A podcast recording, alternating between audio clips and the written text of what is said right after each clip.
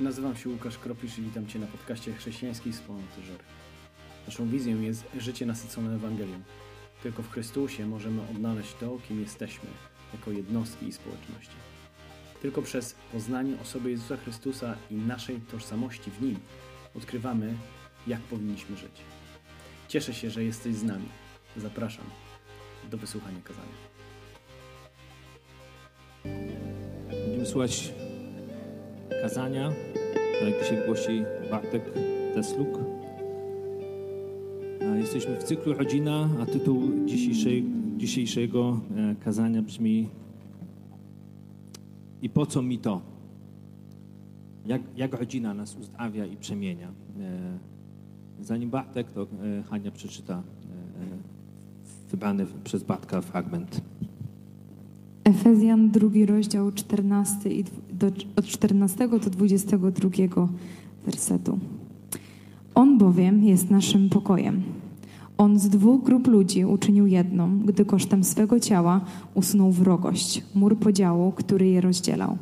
On zniósł prawo oparte na przekazaniach, by wznosząc pokój, stworzyć w sobie samym z dwóch jedno, jednego nowego człowieka i obu pojednać z Bogiem w jednym ciele przez krzyż, na którym zniszczył wrogość. A gdy przyszedł, ogłaszał pokój, niósł go wam, pochodzącym z daleka, podobnie jak tym pochodzącym z bliska, gdyż przez niego mamy dostęp do Ojca, jedni i drudzy w jednym duchu. Tak więc nie jesteście już obcymi przybyszami, lecz współobywatelami świętych i domownikami Boga. Stoicie na fundamencie apostołów i proroków. Jego kamieniem węgielnym jest Chrystus Jezus. W nim cała budowla, jako spójna całość, rośnie na święty przybytek w Panu. W nim również wy wspólnie się budujcie na mieszkanie Boga w duchu. Dzięki Hania. Dzień dobry, Żorski Kościele, bo Żorska Rodzino, powinienem powiedzieć w tej serii. Jak Tomek wspomniał, jesteśmy w trakcie serii Jesteśmy rodziną na co dzień. E, Przez ostatnie tygodnie rozmawialiśmy o tym, e, czy Biblia faktycznie wzywa nas do relacji o charakterze rodzinnym w Kościele. Słyszeliśmy o tym, że pomimo zabiegania, y, rodzina znajduje dla siebie czas, przestrzeń i energię. A tydzień temu Łukasz mówił o tym, jak mówić, jak komunikować w praktyczny sposób. Ale, czy jest jakieś ale? Co jeśli ciągle do końca nie jesteśmy przekonani co do istotności, aby nasz Kościół żył jako rodzina? czujemy, że to jest ważne, czujemy jakąś taką, e, taki, taką istotność tego, ale gdzieś jest coś w nas, co powoduje, że no nie potrafimy powiedzieć całym sobą tak, chcę.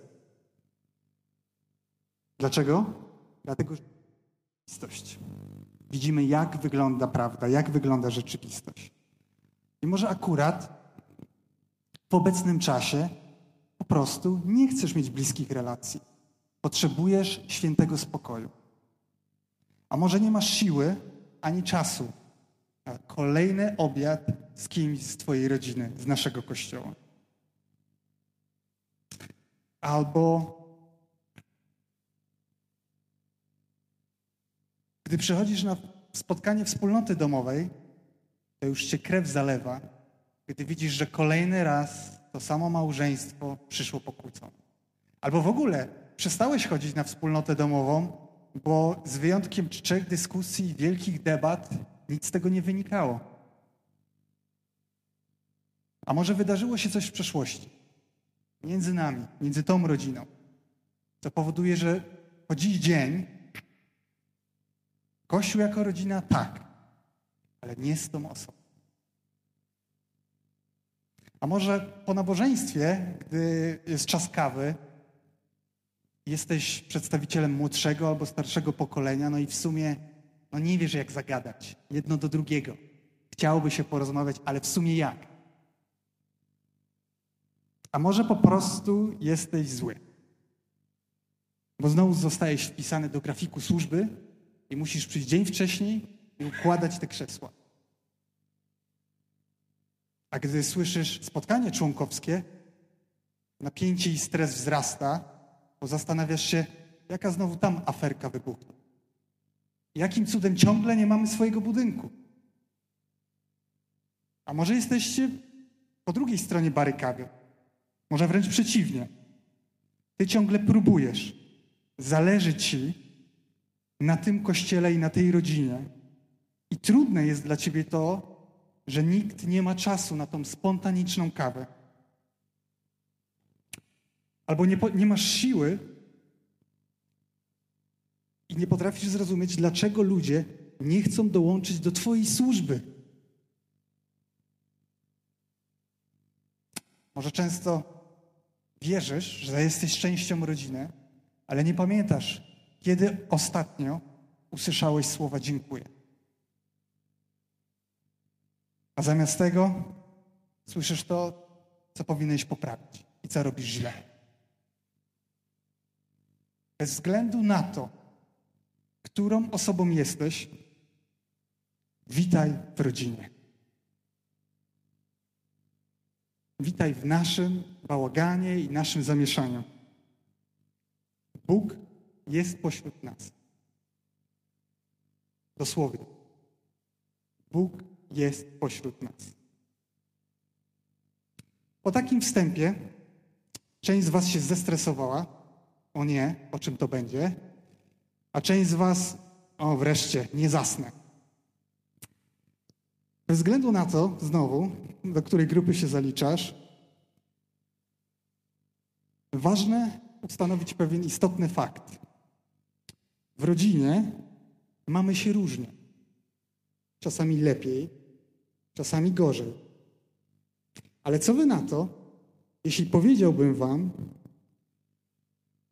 że opisana rzeczywistość może być prawdziwa i to właśnie ona umożliwia dokonanie rzeczy niemożliwej w nas. A różnorodność nasza służy jako narzędzie w rękach naszej głowy i naszego pokoju, w rękach Jezusa. Hania przeczytała przed chwilą fragment z Efezjan. E, jeśli macie ochotę, możecie otworzyć ten fragment ponownie. List do Efezjan, rozdział drugi, wersety 14 do 22. Paweł bardzo wyraźnie pokazuje, że Żydzi nienawidzili pogan. I w zależności od frakcji stopień nienawiści różnił się. Izraelici, jako święci obywatele narodu wybranego, którego Bóg jest królem, oznaczeni znakiem na ciele, obrzezaniem, bez względu na czasy, na teraźniejszość, zawsze żyli optymistyczną nadzieją, przyszłością powrotu Mesjasza, nowym królestwem. A tuż obok nich żyli sobie poganie, którzy pozbawieni obietnicy, dostępu do przymierza, jeśli w kogoś wierzyli, to wierzyli w bożków, którzy stworzyli ludzie, żeby za nich wykonywali tą brudną robotę tu na ziemi. A jeśli akurat trafiłeś na poganina, który był wyznawcą stoicyzmu, to ten powiedziałby ci, że tak naprawdę świat resetuje się co 3000 lat. Gdy mija 3000 lat, wszystko zaczyna się na nowo. Dla pogan historia nie była tak optymistyczna. Rozwój wydarzeń, który prowadzi do nikąd. To byli ludzie bez nadziei. Ale tych różnic jest trochę więcej. Żydzi mieli wiele przepisów dotyczących traktowania pogan. Powszechnie mówiło się o tym, że Żyd nie powinien pomagać pogance podczas porodu. Przecież przyjdzie na świat kolejny poganin. Gdy Izraelita żenił się z wyznawcą innej religii, to organizowano dla niego pogrzeb.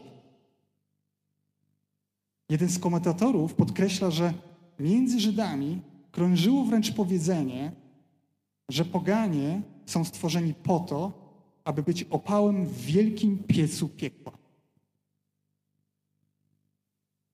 Jeżeli to nie wystarczy, to w świątyni w Jerozolimie był faktyczny, fizyczny mur. Dosłownie. marmurowa ścianka oddzielająca dziedziniec, na którym byli poganie. Patrząc od wejścia świątyni, najpierw byli poganie, był kolejny dziedziniec dla kobiet i dzieci, potem był kolejny dziedziniec dla Izraelitów, kolejny dla kapłanów i potem najświętszy przybytek. Co więcej, na tym przeciągu oddzielającym y, dziedziniec dla pogan między tym dziedzińcem dla kobiet i dzieci była tabliczka z inskrypcją, z napisem. I ten napis brzmiał: Zakaz przejścia dla, dalej dla pogan. W przeciwnym razie grozi ci kara śmierci. Jeśli nie wierzycie, bo brzmi to zbyt absurdalnie, to wyobraźcie sobie, że w 1871 roku odnaleziono tą tabliczkę z inskrypcją w łacinie i w grece i można ją sobie albo znaleźć w internecie, albo pojechać do Turcji, do muzeum i zobaczyć. Chyba troszeczkę ich rodzina, choć jeszcze nie byli wtedy rodziną, poganie i Żydzi, widzimy, że też mieli trochę bałagan i bajzel. I dlatego autor listu wskazuje na te różnice w tym konkretnym fragmencie. Co więcej mówi, ale bowiem On, Jezus, jest waszym pokojem. On z dwóch grup ludzi uczynił jedną. Autor pisze, że Jezus stał się pokojem między tymi dwoma grupami. Usunął wrogość i usunął ten mur podziału. Wyobraźcie sobie, Jezus przychodzi z takim młoteczkiem i ten mur roztłukuje i powstaje jeden wielki przedsionek, gdzie wszyscy, gdzie wszyscy razem mogą być. I każdy może tu wejść. Tak jak tu dzisiaj, na tym naszym spotkaniu. W wersecie 15 czytamy, że wnosząc pokój, Jezus z dwóch ludzi stworzył jednego nowego człowieka.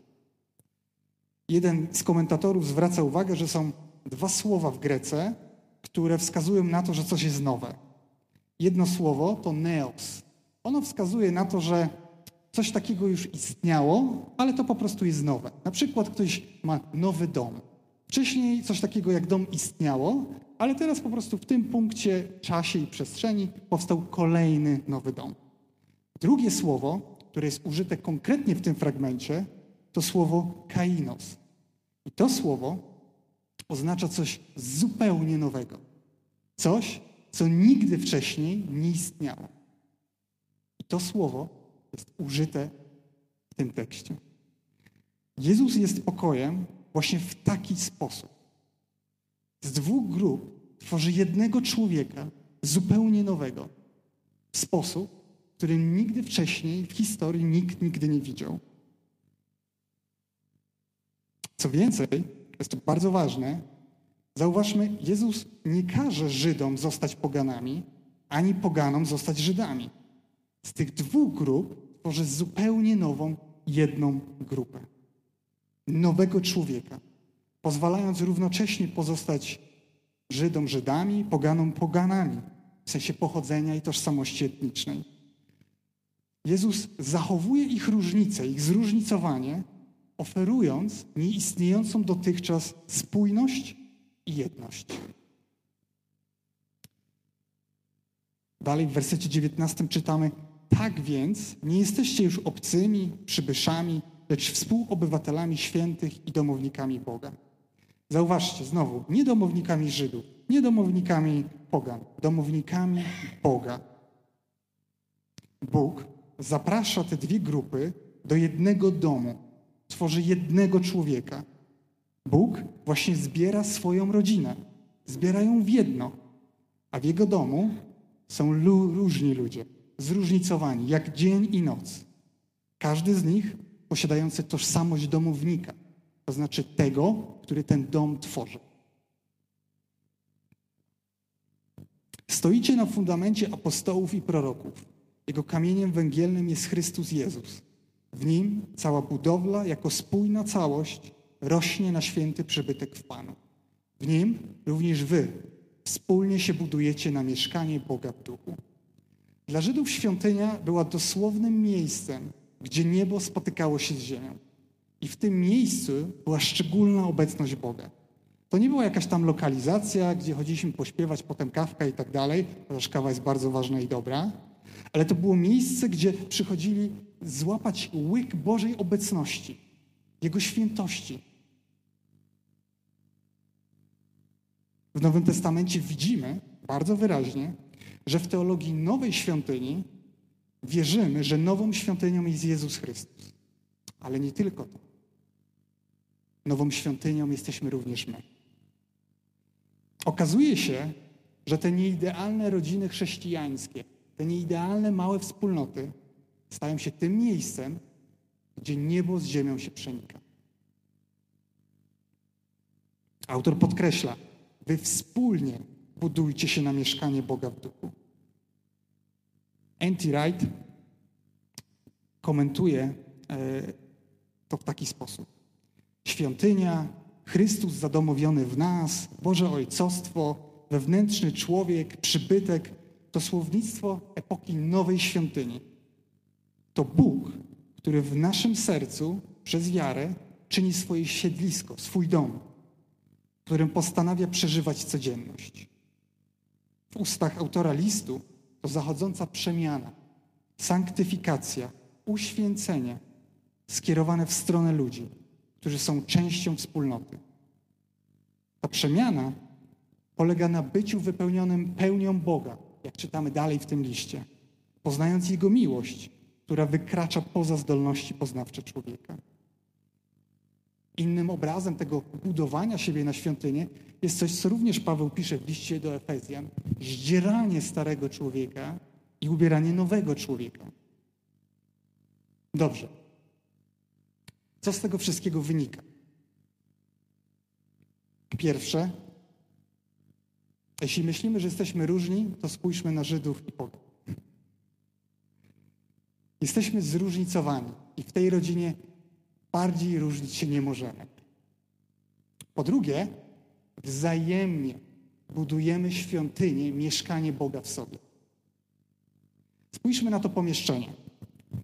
Różnica wieku, różnica w osobowościach, płci, rolach, jakie mamy, zarobkach, różnice teologiczne. Pewnie kiedyś widzieliście zdjęcia świąteczne rodzin amerykańskich, ale nie tylko, gdzie ubierają takie sweterki. Wszyscy mają takie same sweterki, albo wszyscy takie białe bluzki, pięknie wychodzą na tym zdjęciu. Oczywiście e, jest to słodkie, oczywiście, e, ale to, co próbują ukazać, to próbują ukazać przez te zdjęcia jakąś taką spójność i jedność tej rodziny, chociaż w gruncie rzeczy wiemy, że bardzo możliwe, że na tym zdjęciu są osoby, które raz na rok ze sobą rozmawiają. Być rodziną to być różnymi. Nasze zróżnicowanie pomaga nam budować świątynię Boga. Piękno i wartość powstaje zawsze wskutek zróżnicowania. Żaden element, żaden człowiek, żaden członek rodziny sam z siebie nie potrafi stać się świątynią. Pomyślmy o stworzeniu świata. Bóg stwarza światło, które oddziela od ciemności. Oddzielił wody nad sklepieniem od wody pod sklepieniem. Oddzielił ląd od wody i uczynił różnicę między zwierzętami wodnymi i powietrznymi. I uczynił człowieka, kobietę i mężczyznę. Seksus z łaciny oznacza oddzielony. Stworzył człowieka w bliskości, gdy jego oddech połączył się z prochem ziemi. Oddech i proch ziemi. Wszystkie te elementy połączone są ze sobą spójne, ale równocześnie tak różne. I każde z nich osobne istnieje indywidualnie. Dlaczego Jezusowi zależało, aby jego uczniowie byli rodziną? Każdy, kto czyni wolę Boga, jest moim bratem, siostrą i matką. Przecież mógł powiedzieć, że jesteśmy oddziałem specjalnym do zbawienia świata. Patrząc na Nowy Testament, widzimy wielokrotnie, gdzie autorzy tekstów używają sformułowań bracia i siostry lub słynne stwierdzenia jedni drugich, które występują ponad 100 razy w Nowym Testamencie. Co takiego jest w Kościele funkcjonującym jako rodzina? Socjologowie starają się nie tworzyć wyraźnych definicji tego, czym jest rodzina, ze względu na to, jak jej definicja zmienia się na przestrzeni lat. Zachodzące w świecie przemiany społeczne, gospodarcze, ekonomiczne, kulturowe powodują, że, rodzi, że pojęcie rodziny jest bardzo dynamiczne. Nie wnikając już dzisiaj nawet w kim jest samotny rodzic, kim jest rodzina patchworkowa czy rodzina adopcyjna. Dlatego socjologowie dużo bardziej skupiają się na definiowaniu pojęcia życia rodzinnego jako czegoś, co zachodzi między osobami, które są jej częścią. Rodzina to nie do końca to, kim jesteśmy. To bardziej to, co się dzieje między nami. To jest kwintesencja rodziny. Biorąc to wszystko pod uwagę, czym jest w takim razie rodzina i dlaczego Jezusowi zależało, abyśmy my dzisiaj byli rodziną. W uproszczeniu. Rodzina dba o rozwój, o dobrostan jej członków. Innymi słowy, jej uwaga skierowana jest do wewnątrz, na dobro pozostałych jej uczestników, poprzez utrzymanie zdrowia, kondycji fizycznej, psychicznej, emocjonalnej, ale też społecznej. Na przykład, gdy dzieci uczą się samokontroli w domu, by mogły normalnie funkcjonować w społeczeństwie. Zatrzymajmy się tu na chwilę. I w kontekście fragmentu, o którym czytaliśmy, gdy Żydzi i poganie stali się domownikami w domu Boga, usłyszmy to jeszcze raz. Rodzina dba o dobro jej członków w każdym wymiarze. Dojrzewanie każdej osoby odbywa się poprzez bliskie więzi, ukazujące różność i spójność. Każdy z członków staje się w pełni sobą, tworząc jedność całej rodziny. Paweł napisał: Nie ma już żadnego muru. Jezus go zburzył. Wielka, otwarta przestrzeń, która pomieści największych dziwaków z nas.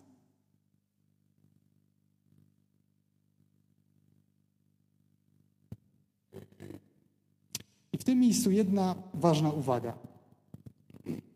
Najlepszym, najbardziej adekwatnym biblijnym sposobem życia jako rodzina, między innymi, to wspólnota domowa.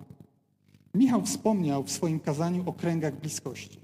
12 uczniów, 72 uczniów, 12 uczniów, 3 uczniów.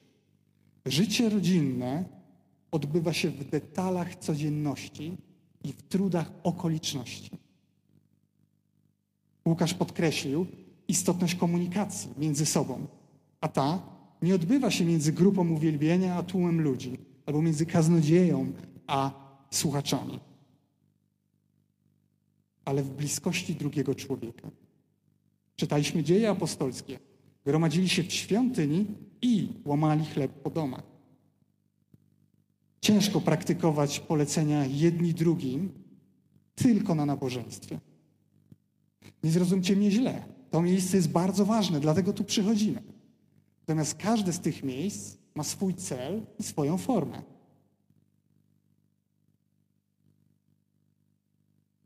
Wszystko pięknie, ale powstaje ważne pytanie. Wiemy, że jesteśmy jednym, wiemy, że nie ma muru, nie ma ściany, ale w takim razie to jak wygląda to wzajemne budowanie siebie na świątynię Boga. I uwaga, nadjeżdża chrześcijański slogan.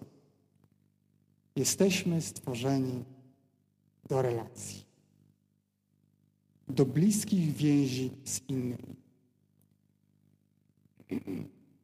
Widzimy to w Trójcy Świętej, widzimy to w stworzeniu człowieka jako kobiety i mężczyznę, ale widzimy to też w naturze.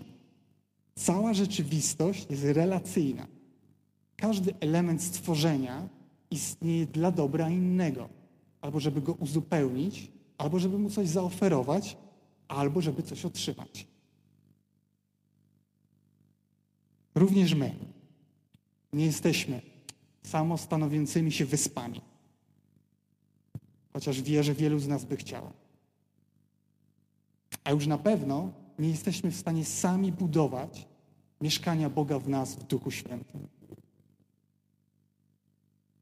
Bo to perspektywa z zewnątrz, kogoś, kto nie jest mną, umożliwia mi dostrzeżenie mojego starego człowieka, moich odruchów, pragnień, reakcji, zachowań.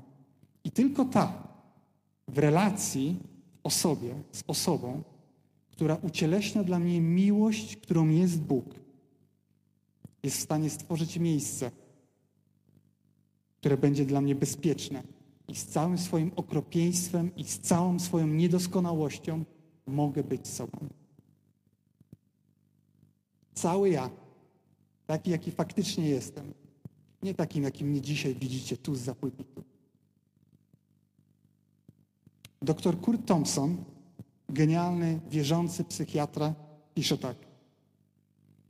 To, kim jesteśmy jako jednostki, historie, jakie sobie opowiadamy, zawsze jest kształtowane i rozwijane wspólnotowo. Jest to jeden z najbardziej podstawowych sposobów, jak nasze przywiązanie do innych wpływa na to, kim się stajemy. To, kim jestem, jest zawsze wynikiem moich interakcji z innymi. To, co Jezus wiedział i o czym pisali autorzy Nowego Testamentu dawno temu, widać gołym okiem we współczesnych badaniach nad relacjami i przywiązaniami. Od słynnych rumuńskich sierot, które umierały wskutek braku kontaktu i braku bliskości z kimkolwiek, po dzisiejszą neurobiologię interpersonalną. Naukę, która tłumaczy, co się dzieje w naszym mózgu, gdy jesteśmy w rozmowie z kimś bliskim, z kim się czujemy blisko i bezpiecznie.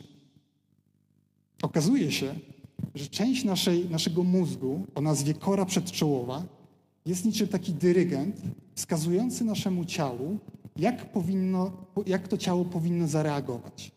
Czasami to jest jakieś zachowanie, czasami na przykład spocone podczas stresu dłonie, czasami to jest to, co poczujemy emocjonalnie. I ten element mózgu jest właśnie odpowiedzialny za dyrygowanie tym, co się dzieje. Okazuje się też, że ten konkretny obszar naszego mózgu, żeby w ogóle się rozwinąć, potrzebuje bliskich więzi i relacji. Innymi słowy, nasz mózg, żeby dobrze funkcjonować, potrzebuje inne mózgi. Do czego? Do tego, abyśmy my mogli się zdrowo rozwijać, ale też byśmy mogli być uleczani z naszych trudności, z, z naszych traum. I uwaga, nie mówię tutaj tylko o dzieciach. Mówię tutaj również o dorosłych. Mówię o nas. Zwykle jak jeżdżę do rodziców, którzy mieszkają w centrum Żor, jeżdżę tą samą drogą. Ostatnio, niepostrzeżenie, w dwóch miejscach zaczęły się jakieś prace drogowe, jakiś remont. Nagle okazuje się, że żeby dojechać do moich rodziców, muszę się zastanowić, gdzie ja jadę, którą drogą jadę i przy okazji zaczynam się zastanawiać, czemu ja zawsze jeździłem tą drogą, a nie tą. Ale to nie wszystko. Gdy już jadę tą drogą, inną, nową, okazuje się, że w mieście odkrywam zakamarki, o których albo zapomniałem, albo nigdy ich nie widziałem. Dokładnie to samo jest z nami i z naszą rodziną, z naszą wspólnotą. To oni, gdy ty jesteś w ferworze swojej reakcji, swojej narracji, myślenia, swojej perspektywy, oni robią, e, e, tu dzisiaj będzie remont. I nagle zaczynasz się zastanawiać, ale, ale dlaczego? W sumie dlaczego ja tak zareagowałem? Dlaczego ja tak myślałem? Czy jest jakaś alternatywne postrzeganie tej sytuacji? Dotyczy to, ten remont, który wykonuje wspólnota lub rodzina, dotyczy on zarówno naszego myślenia, naszej wiedzy, naszej perspektywy, ale dotyczy też również naszych reakcji emocjonalnych. I wiem, przyjęło się, że emocje są tak nieprzewidywalne i nie możemy im ufać. Jednak okazuje się, że doskonale możemy je zmapować i doskonale są przewidywalne. Wręcz jest to jedna z bardziej przewidywalnych rzeczy w naszym życiu, bo my dokładnie wiemy, kiedy, jak reagujemy, a już w ogóle nasi, nasi bliscy. Pamiętacie cytat przytoczony przez Tomka e, dwa, trzy tygodnie temu? Kościół jest miejscem, w którym pomagamy innym nieść ich patologię i prosić, aby pomogli mi nieść moje.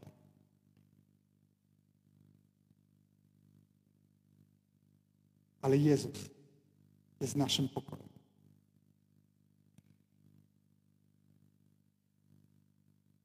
Wyobraźmy sobie spotkanie wspólnoty domowej. Jedna z osób, która przyszła na spotkanie, przeżywa trudności ze swoim szefem w pracy. Osoba ta mówi o niezrozumiałej złości i irytacji na szefa, która wręcz wzbudza w tej osobie poczucie winy, no bo przecież jako wierzący nie powinien się złościć. I nigdy w tych sytuacjach z szefem nie wie, jak zareagować.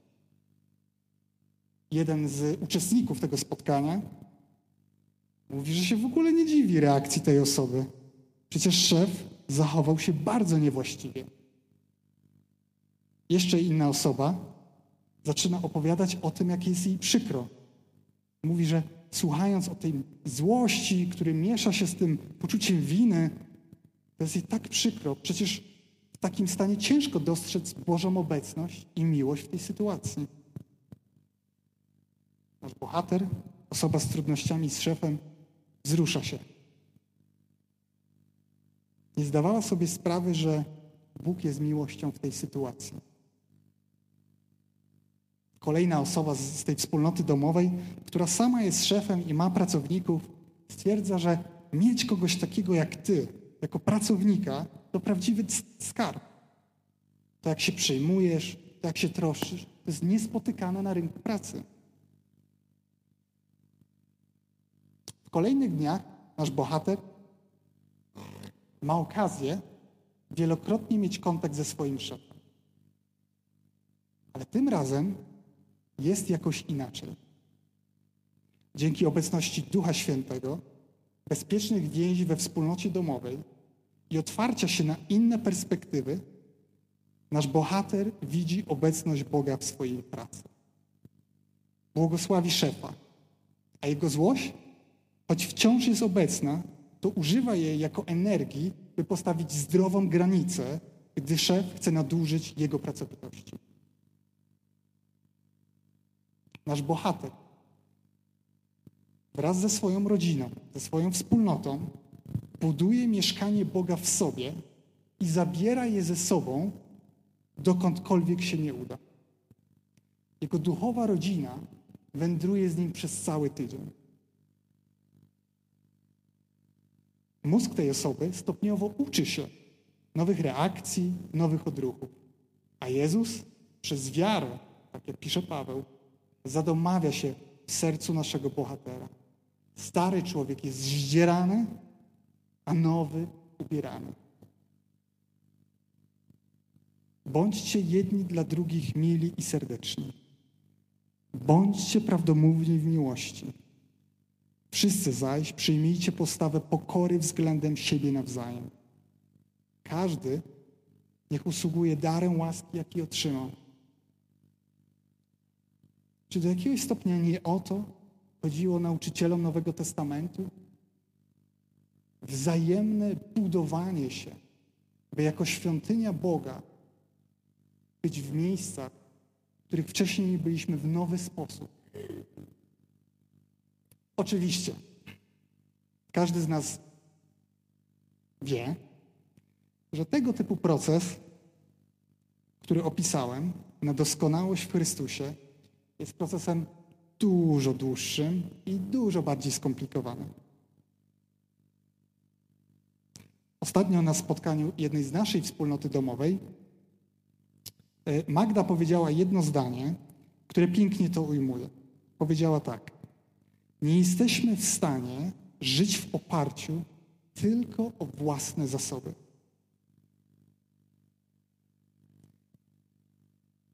Nie jesteśmy w stanie żyć tylko i wyłącznie w oparciu o własne zasoby. To dlaczego żyjemy często tak, jakbyśmy byli? Budujemy swoje autonomiczne królestwa zarządzania wszechświatem, trzymania wszystkiego pod kontrolą w rydze.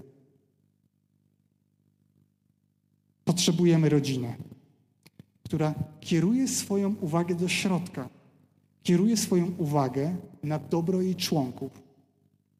Tak, potrzebujemy też nauczania Bożego Słowa, które kształtuje nasze postępowania. I potrzebujemy mocy Ducha Świętego, bo to ostatecznie ma być Jego mieszkanie. I potrzebujemy czasu, miejsca i energii, jak dwie niedziele temu podkreślał Michał.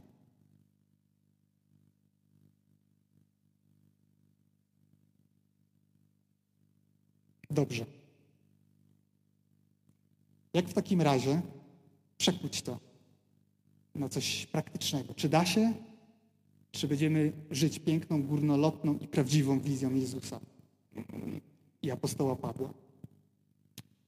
Mam cztery wskazówki praktyczne, które mogą pomóc nam zacząć praktykować życie bez muru podziału, bez wrogości, ale jako jeden człowiek, jako jedna rodzina, wzajemnie budując się na świątynię Boga. Po pierwsze, na najbliższym spotkaniu wspólnoty domowej, jeśli jesteś takowej częścią, porozmawiajcie o tym, po co się spotykacie. Drugie, bądź ciekaw i zadawaj pytania. Po trzecie, reaguj na to, co słyszysz i widzisz. I czwarte, rozważ, czy masz czas dla siebie. Brzmi banalnie, ale pozwólcie, że skomentuję każdy z nich. Po pierwsze, porozmawiaj czy z kimś z kręgu kościoła, czy za swojej wspólnocie domowej o tym, to po co w sumie przychodzisz? To po co jesteś? Patrząc na dzisiejsze rozważania, warto nazwać praktycznie to, po co się spotykamy. Moją sugestią, rzucam jako do takiego burzy mózgów, byłyby dwa powody, które widzimy w tym dzisiejszym rozważaniu. Po pierwsze, spotykamy się, by zauważać swój wzrost. Każda osoba w każdej. Nie lider w członkach, nie najstarszy w wierze, w tych najmłodszych wierze. Każdy, każdy. Pamiętacie? Bracia i siostry.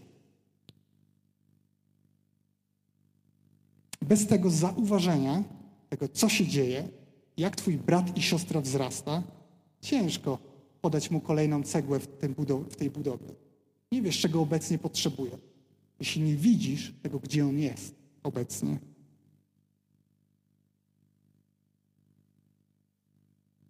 Drugi powód to być dla siebie w trudnych chwilach. Pełna obecność jest niesłychanie trudna. Bardzo często odruchowo, ja też, zamieniamy ją na tanie podróbki, udzielania mądrych rad, dostarczania teologicznych wyjaśnień, a prawdziwa obecność tworzy bezpieczną przestrzeń, gdzie jesteśmy widziani, usłyszeni, uspokojeni, zaakceptowani takimi, jakimi jesteśmy. Bo dopiero wtedy z tego miejsca jesteśmy w stanie się budować. Okay? Więc porozmawiaj we wspólnocie, o co macie tam wspólnotę.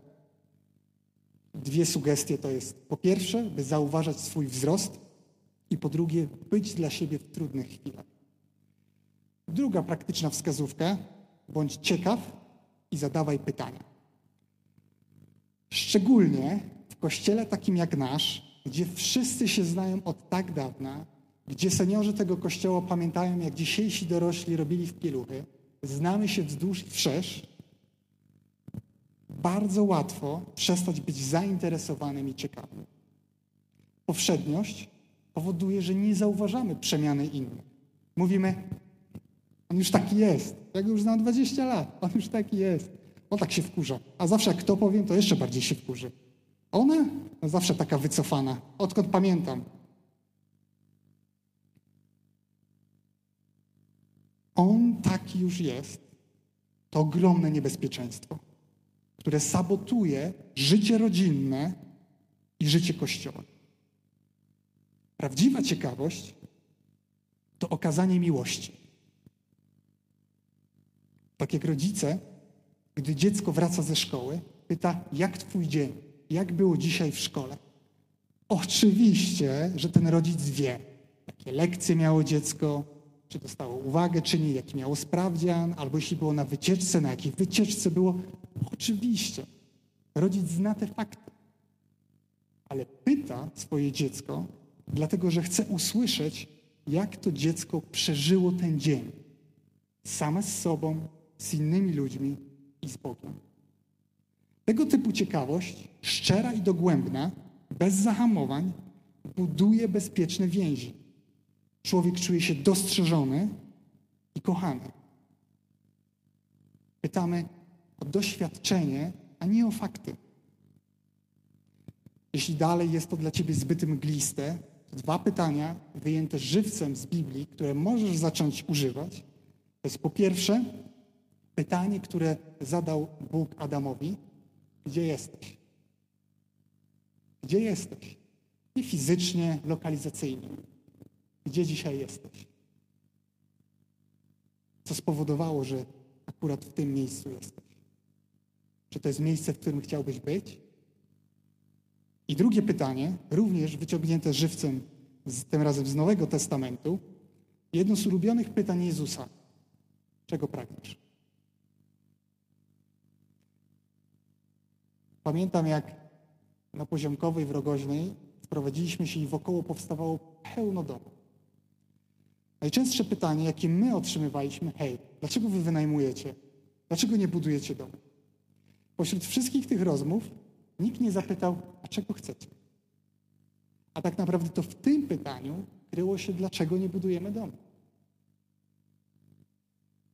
Prawdziwa ciekawość. Nie dla wiedzy, dla poznania. Trzecia wskazówka. Reaguj na to, co słyszysz i widzisz. Jako polscy protestanci lubimy szczególnie udzielać rad i elaborować nad tym, co my byśmy zrobili. Przecież ja jestem już tyle wierzącym, wszystko wiem, przeżywałem coś podobnego. Niekoniecznie o taką reakcję mi chodzi. Co jeśli Twoją najbliższą rozmowę mógłbyś poszerzyć o następujący repertuar reagowania? Reagowania poprzez powiedzenie na głos rzeczy oczywistej, poprzez wyraźne spojrzenie na osobę, która właśnie się wypowiada, poprzez ton Twojego głosu i szybkość wypowiedzi, poprzez cichą obecność, poprzez podzielenie się tym, co czujesz, po tym, co usłyszałeś. Reagowanie nie oznacza zawsze udzielania właściwej odpowiedzi. Po miłości ich poznamy, nie po właściwych odpowiedziach. I czwarta praktyczna wskazówka. Rozważ, czy masz czas dla siebie. Dietrich Bonhoeffer, nasz ulubieniec o łasce taniej i drogiej pisze, mówiąc o samotności, czyli o byciu samym, z samym sobą i z Bogiem i o życiu we wspólnocie, pisze tak. Każda z tych praktykowana osobno ma swoje ogromne pułapki i niebezpieczeństwa. Ten, kto chce być częścią wspólnoty bez przebywania samemu, pogrąża się w czarnej dziurze słów i uczuć. Ten, kto szuka samotności bez wspólnoty, przepada w otchłani próżności, samozachwytu i rozpaczy. Co ciekawe, cytat ten pochodzi z książki, w której opisuje życie wspólnoty i pisze o przebywaniu w samotności. Bonhoeffer zwraca uwagę, że życie samemu i życie we wspólnocie w rodzinie to są dwie nieodzowne elementy.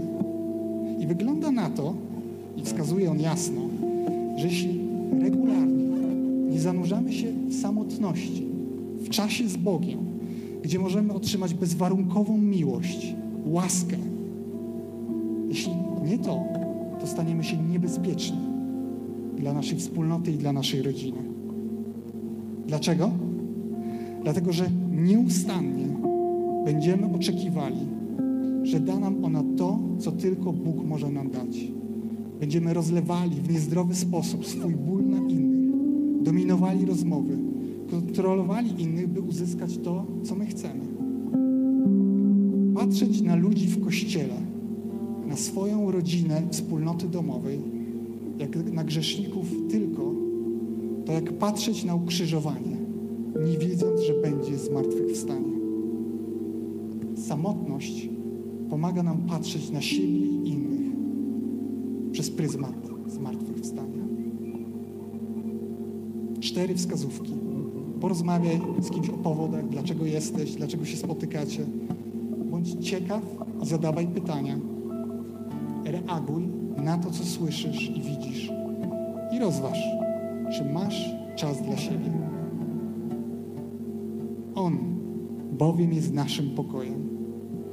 On z dwóch grup ludzi uczynił jedną, gdy kosztem swego ciała usunął wrogość, mur podziału, który je rozdzielał. Stoicie na fundamencie apostołów i proroków. Jego kamieniem węgielnym jest Jezus Chrystus. W nim cała budowla, już bez ściany, jako spójna całość rośnie w święty przybytek Panu. W nim również Wy, w nim również my wspólnie budujemy się mieszkanie Boga w duchu.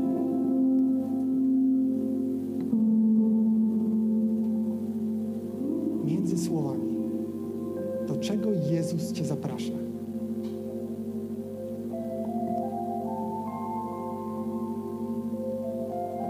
Jezu, dzięki,